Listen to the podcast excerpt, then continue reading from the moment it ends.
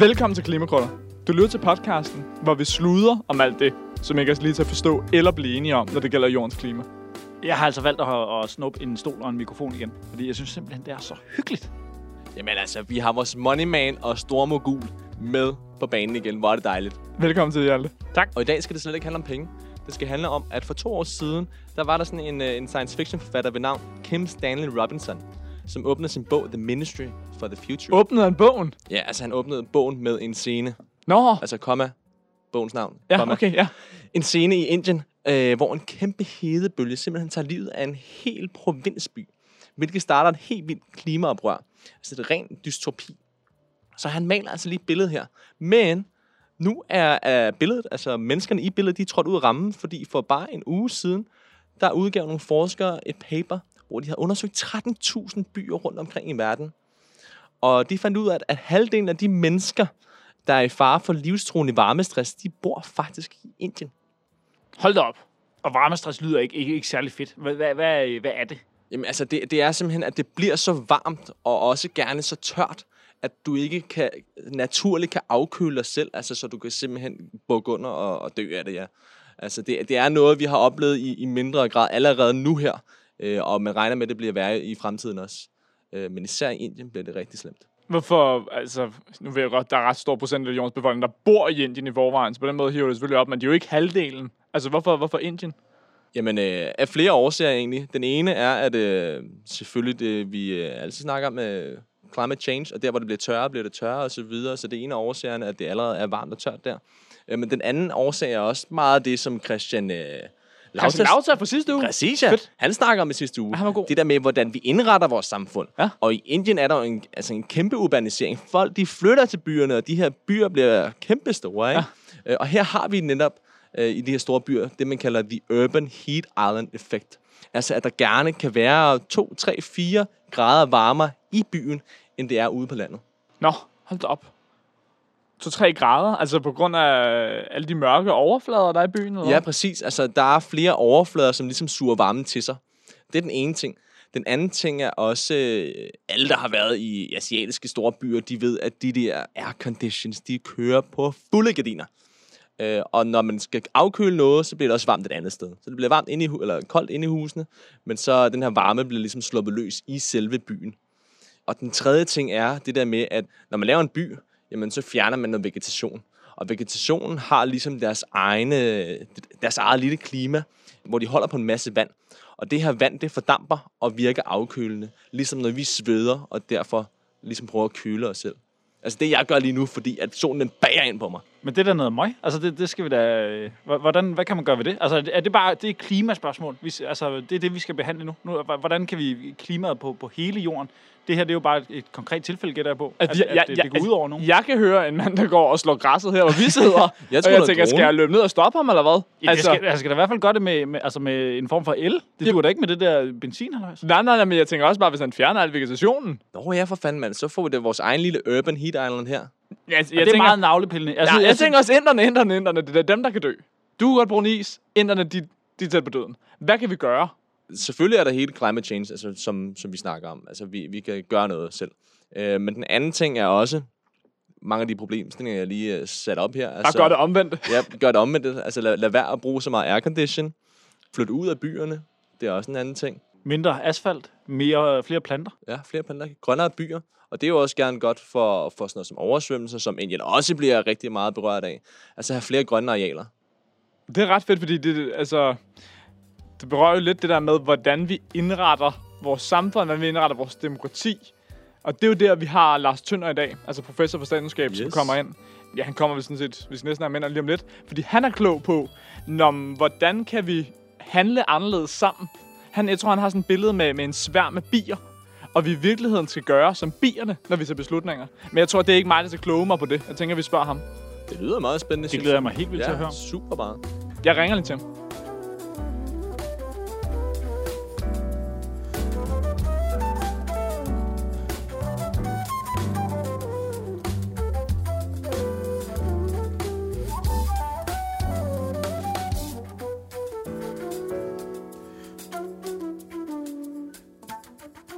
Lars, fedt, at, øh, at du ville komme herind.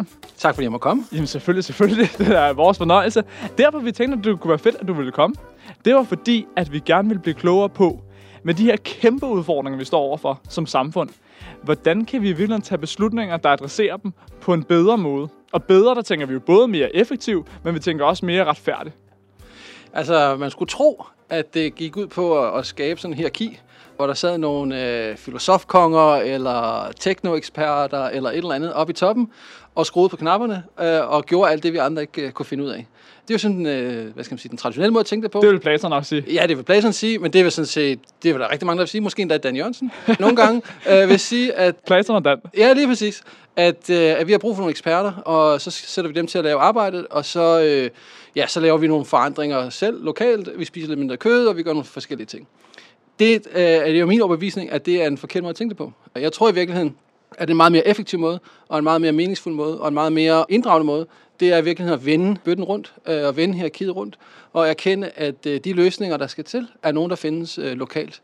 Og vi simpelthen skal gøre op med vores styringsparadigme, som handler om nogen i toppen, der regerer nogen i bunden. Øh, I virkeligheden, så tror jeg, at den grønne omstilling, og det her med den antropocene tidsalder, altså det her med, at mennesket øh, er involveret i øh, naturens kræfter på en helt anden måde end før. Virkeligheden også kræver, at vi øh, gentænker den måde, vi øh, laver og forestiller os politik på. Så i virkeligheden, så din forskning handler om, hvordan skal vi indrette vores samfund på den helt lange bane? Altså det er ikke, hvordan øh, klarer vi 2030-målsætningerne? Nej, altså det, selvfølgelig vil det være rart at komme i mål med 2030-målsætningerne, men allerede der kan man jo bare se, at, øh, at de ting, der er på bordet, der vil jo stort set alle af dem, der ikke har sådan en aktieøkonomisk interesse i det, vil jeg sige, at det, der er på bordet indtil videre, er utilstrækkeligt. Og man så enten peger på nogle øh, teknologier, som endnu ikke er der, men som man regner med materialiserer sig på den ene eller anden måde inden for de næste 2, 3, 4, 5 år. Men det er jo ligesom bygger på den idé om, at vi ikke laver om på vores grundlæggende adfærd. At vi ikke skal rejse mere, at vi ikke skal forbruge mere, at vi ikke skal, øh, ja i det hele taget, vi skal bare blive ved med at gøre det, vi gør, og måske endda skal vi gøre mere af det. Altså vi i virkeligheden skal blive ved med at gro som samfund. Hvis man vender bøtten om, øh, så kan man faktisk få nogle øh, adfærdsændringer, som gør, at man ikke bliver afhængig af de der teknologier, men sådan så i virkeligheden, at det bliver endnu mere sandsynligt, at man kommer i mål med de der 2030-målsætninger øh, på en anden måde, og på en, om du vil, mere bæredygtig måde. Fordi det, der er med de der teknologier, det er, at de det koster energi at lave energi. det ja. koster energi at udvikle batterier til dit og datten. Vi skal bygge vindøer ude i Kattegat. Det kommer til at koste en masse energi. Så spørgsmålet er, hvor meget man i virkeligheden vinder. Og det regnestykke er jo enormt komplekst. Det kan man sige, et meget mere simpelt regnestykke, det er simpelthen at sige, okay, vi kan gøre os alle sammen nogle, øh, nogle initiativer. Dem gør vi lokalt, og det gør vi på en måde, sådan så at vi nedsætter vores forbrug, og i virkeligheden får skabt nogle andre måder at leve sammen på, som er bæredygtige, både på den korte og på den lange bane. Så, så i stedet for, at vi har nogle få op på toppen, som øh, tager en masse beslutninger om noget rigtig, rigtig komplekst, så skal vi ligesom alle sammen være involveret. Er det, er det rigtigt forstået? Eller? Altså, ja, øh, og det er ikke bare sådan noget, jeg har sådan, øh, forestillet mig sådan, øh, på, en, på en hyggelig eftermiddag om søndagen. Det er jo faktisk det. det ja. Jeg tænker, hvis vi alle sammen... lige præcis, lige præcis. Altså, der er jo faktisk evidens for det her. Altså, øh, nu har, vi, nu har jeg i min forskningsgruppe været særlig interesseret i det her med klimaborgertinget, som jo er 99 helt almindelige tilfældigt udvalgte borgere, der er nogen, der er gamle, der er nogen, der er unge. Der er nok lidt flere gamle, end der er unge. Der er også nok lidt flere veluddannede, end der er øh, ikke veluddannede. Og det er noget, der findes lige nu, som ja, folk ikke hører om. Ja, ja, ja lige præcis. Ja. Og dem har vi jo øh, fulgt i et halvt års tid. Og de har siddet med ekstremt komplekse problemstillinger. Transport, CO2-afgift, power to X, uh, you name it. Og tænkt over de her ting. Og det, de jo sådan set er kommet frem til, det er dels nogle mere progressive løsninger, nogle mere progressive krav til politikerne, men vi kan også se, at de er begyndt i deres dagligdag at engagere sig mere i klimadebatten og i den grønne omstilling. Så hvis vi tager de der borgere med ind, helt almindelige borgere, så kan vi faktisk mere, end vi tror. Er det rigtigt forstået, det er simpelthen altså bare Danmarks Statistik, der helt tilfældigt har fået udvalgt nogle danskere, som så sagt ja til at være med? Det, man har gjort, det er, at man har taget nogle demografiske variable. Køn, bopæl, indkomst, uddannelse osv. osv. Og så har man sagt, okay, lad os prøve til at starte med at udtrække en, en pulje på 5.000 mennesker. Det har man så gjort, og så har man sendt dem i e-boks en invitation til at være med i klimaborting. Det gjorde Ej, man. den fik jeg ikke. det gjorde vi, det gjorde vi. Ja, lige præcis, den fik du ikke, fordi ja, det, var, det kunne fandme være godt. Ja, det var fedt. Øh, det, det skulle jo være et, øh, en ære at være med i klimabortinget. Men øh, det fik man så, de der 5.000 mennesker, de fik en besked i e-boksen øh, sidste sommer på et tidspunkt. Vil du være med? Så var der cirka 500, der svarede på det. De andre 4.500, de enten sagde nej tak, eller simpelthen ikke svarede. Og så tog man ud af de 500 et, et demografisk repræsentativt udsnit af øh, befolkningen. Så man fik sådan nogenlunde på den, du ved, øh, det er jo ikke repræsentativt på den måde, at, at alt er repræsenteret, men på sådan nogle almindelige parametre som øh, bopæl, alder, uddannelse, indkomst osv. Så fandt man nogenlunde en, en sådan jævn pulje. Så var der nogen, der faldt fra. De her mennesker, de har brugt 100 timer af deres øh, tid fra oktober til marts på Zoom. øh, øh, altså, øh, altså, så, så mener man det seriøst. Men Ja, jeg det tror man bare, altså. ja, og jeg, men jeg tror bare, I ved selv, når I har undervisning, hvor, hvor, hvor hårdt det kan være at sidde der i to timer. Der er nogle af dem, de har siddet her i, i der, der var nogle weekendsamlinger, hvor de sad i uh, otte timer om dagen Ja. på Zoom. Uh, og det var ikke fordi, de så sad og drak kaffe eller noget, de sad og arbejdede uh, seriøst. Så der er ikke noget at sige til, at folk de falder lidt fra. Når vi starter undervisning, så ved vi også godt, at vi starter med, der kommer jo ikke 100 procent, men der kommer måske 80. Når vi så kommer hen i december måned, så, så sidder vi, øh, så sidder vi, ja, så, altså, så er vi heldige, ikke? Så det er faktisk en helt forelæsning. Ja, lige præcis. Ja. Silas kun på forreste række, det er alle andre er Lige præcis, ja. Men forestiller du dig så, at det er bedre løsninger, eller mere effektive løsninger, man finder? Fordi Jamen, begge et land det er som det- det- Kina, altså, det er vel en af de lande i verden, som øh, er allerbedst med replanting af forest, af skov, fordi at de kan tage en beslutning så hurtigt, Lige så præcis, effektivt. Lige præcis. Men altså, øh, den grønne omstilling, den kommer ikke bare ved, at der er nogen, der beslutter. Der er også nogen, der skal leve det. Der er også nogen, der skal implementere det. Der er nogen, der det skal være meningsfuldt for. Og der er det altså bare sådan, at hvis man er med til at træffe en beslutning, så, så, så mener den noget mere for dig. Og, og så, så virker den også. Altså, vi snakker om en klimakrise. Vi har også en demokratikrise. Og hvad nu, hvis vi kunne i virkeligheden se de to kriser, ikke som et, sådan et, vi løser den ene på bekostning af den anden, men i virkeligheden de to kan løse hinanden sammen. Ved at forstærke vores demokrati, kan vi også forstærke den grønne omstilling, og ved at forstærke den grønne omstilling, kan vi også forstærke vores demokrati. Det behøver så ikke at være sådan et nulsumspil, hvor man, hvor man vinder noget, og så taber noget på den anden. Demokratikrisen, er det en, du ser her i Danmark, en, du ser globalt set? Hvordan det, du, du definerer den demokratikrise? Altså, selvfølgelig har vi ikke på samme måde en demokratikris i Danmark, som vi har i USA eller andre steder. Men altså, det er jo ikke... Altså, det der jo ligesom er øh, udfordringen her, og som vi har set med de sidste folketingsvalget for snart to år lidt siden, og nu her med kommunalvalget, det er jo, at der er en masse vælgere, som i virkeligheden gerne vil have noget klimahandling. Der er en masse græsrodsorganisationer, der er en masse bevægelser, øh, som gør det her. Og så har man nogle politikere, som, øh, som ikke er nær så progressive, som man kunne have forventet, givet det mandat, de har fået. Så der er jo et eller andet split, der er et eller andet gab, og der er jo også det her med, altså nu snakker vi klimapolitik, jeg taler meget for det som en fortæller, men deres øh, anbefalinger og deres sådan, øh, input til, til policyprocessen er jo desværre minimalt i forhold til, hvad dansk industri eller andre øh, interesseorganisationer har fået lov til at påvirke med. Nu har vi lige haft øh, landbrugsudspil øh, udspil og så videre. Ikke? Så det er jo stadigvæk noget med, at, at det, sådan, det, det, der, det der hierarki der, har det svært med at lytte til de input, der kommer nedefra. Og det er det, synes jeg, sådan et krisetegn. Skal vi så have et mere direkte demokrati, ligesom man ser det i Schweiz, eller... Ja, altså, øh, jeg synes i hvert fald, at vi skal have noget mere lokaldemokrati, noget mere deltagelsesdemokrati, noget mere inddragelsesdemokrati, noget mere demokrati, hvor man øh, sætter ressourcer af til, at øh, man sætter sig ind i tingene, at man øh, får noget viden, øh, og man så i samarbejde med sine øh, medborgere debatterer, hvad den viden er. Det gøres på 100, 100 måder. Direkte demokrati gennem folkeafstemninger kan være en måde, det kan godt være innovativt. Men jeg tror virkelig, det der batter mest, og det er jo også det, vi ser. Det er også derfor, det er sådan lidt, når vi snakker krise. Der er sådan ligesom, der er et split imellem, hvad der sker på det nationale niveau, og hvad der sker på det kommunale niveau. På det nationale niveau, der kører der en masse ret teknofixerede øh, processer.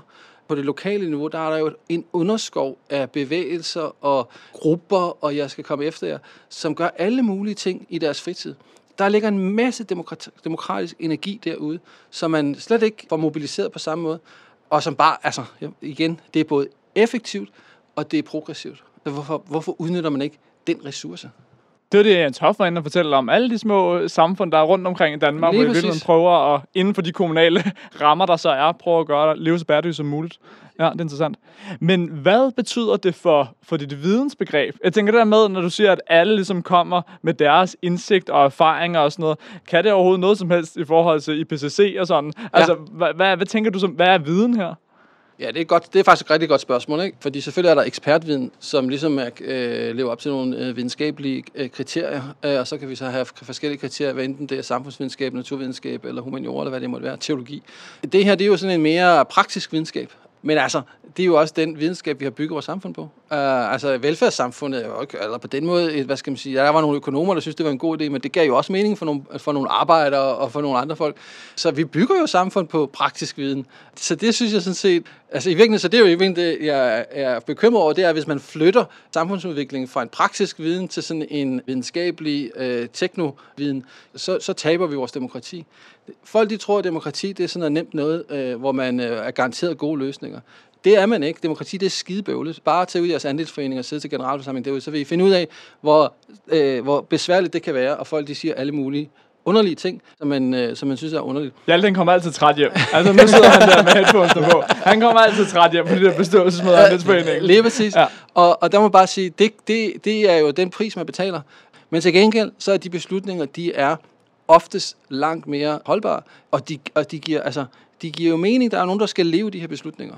Det hvis du, det er ligesom, hvis jeg siger til mine børn, nu skal I også gå i ting tidligt og sådan noget. Det kan jeg jo godt få dem til, men, men altså, øh, den, den autoritetsstruktur, den er ikke holdbar i længden. Øh, Jeg vil jo gerne have, at de på et eller andet tidspunkt også selv finder ud af, hvornår de skal gå i seng, og, og hvornår de skal gøre nogle ting, børste deres tænder, hvad det måtte være. Og sådan er det bare med, med, med, med sociale forhold, at det skal give mening. Så det skal være et system, hvor vi ligesom lægger op til, at vi ude i byerne eller kommunerne kan mødes mere og dele nogle mere praktiske, måske mere low-tech erfaringer. Lige præcis. Altså, hvis du øh, skal... Nu snakker vi meget om det der med not in my backyard, øh, fordi jeg vil ikke have en vindmølle i min, i min baghave, ikke? Fordi den ser grim ud eller et eller andet, ikke? Men hvis man nu traf, traf de beslutninger på en lidt mere inddragende måde, så kunne det jo godt være, at man kunne begynde at se, åh, oh, okay, det er lidt træls, den der vindmølle. Den larmer også lidt en gang imellem, når vinden står i vest eller et eller andet, ikke? Men alt det, jeg får tilbage, er jo fantastisk. Jeg får en bæredygtig natur, og jeg gør noget for mit fællesskab. Så de der beslutninger, man så kommer til at træffe, de bliver faktisk i virkeligheden meget mere, øh, igen, uproble- altså de, de, man tager problemerne før end efter. Altså før man har besluttet dem, ikke? så tager man problemerne. Og så er der en god chance for, at de problemer ligesom har, er blevet bearbejdet, og man så er kommet frem til noget, øh, man kan være fælles om. Jeg tænker al, her til aller sidst, hvad kan vi så gøre for ligesom at, altså man kan melde sig ind i de, de fællesskaber, de samfund, der er, men hvis de, hvis de skal blive en del af noget, som også reelt får betydning og bliver hørt og bliver set, hvordan kan man booste de lokale foreninger, der er på en eller anden måde? Ja, det kan man selvfølgelig gøre ved, øh, altså nu snakker vi klimaborgting, der kan vi, det har vi jo snakket om, og vi kommer også til at snakke mere om det, at klimabortinget skal på en eller anden måde have en formel opkobling til det formelle politiske system, ligesom at de der lokale initiativer skal have øh, større adgang til det formelle politiske system. Det er ikke sådan, at man skal erstatte det ene med det andet, men vi skal tænke over, hvordan vi kan få skabt kanalerne. Og så, øh, men så vil jeg bare sige, at man skal kaste sig ud af det. det man, man har nogle gange en fornemmelse af, at den grønne omstilling kræver sådan et big bang. Den omvendte hockeystav er på en eller anden måde også med til at gøre det. Ikke? Og lige pludselig kommer vi til et punkt, så eksploderer det bare. og sådan er, sådan er politiske forandringer. Ikke? Det er øh, små, bitte små forandringer. Det er som. Så lige, ja, det er pisse hårdt. Men så lige pludselig, så sker der noget. Ikke? Så sker der et kvantespring. Så går de der to grundstoffer fra at være noget til noget andet. Og så har man jo en helt anden verden. Og det er de kvantespring, vi leder efter. Men dem, det gør man jo ved ligesom at sætte, øh, for nu bliver det et sprog, sætte noget varme på de der øh, atomer, så de begynder at boble, ikke? Øh, og så udvikler sig til noget nyt. Det synes jeg, vi skal, det synes jeg, vi skal melde ind til Dan. Vi skal have Dan i studiet, og så vil sige, hvis Danmark skal være et foregangsland internationalt, men så handler det ikke bare om, at vi skal kunne tjene penge på nogle teknologier. Så handler det om, at vi skal kunne tage beslutninger fælles på en måde, der er holdbart og bæredygtigt. Vi skal vende trekanten, og vi skal være mere inddragende. Det lyder som en fed fremtid. Det synes jeg er en god idé. Men øh, fedt. Tak, øh, fordi du ville komme ind, Lars. Det var en fornøjelse. Ren fornøjelse. Det var vores fornøjelse. Men, øh, På den måde bliver det nu det skørt af vores øh, næste gæst i næste uge. Det er Jasper Steinhausen, som han går meget ind for, for bæredygtig business, og hvordan man kan tjene penge på grønne ting. Øh, Jeg ved ikke rigtig, hvordan det kobler sammen med det her, men, men det bliver også en spændende. Det glæder mig til at høre. Ja, tak for det. Fantastisk. Tak. Hasta luego. Hasta luego.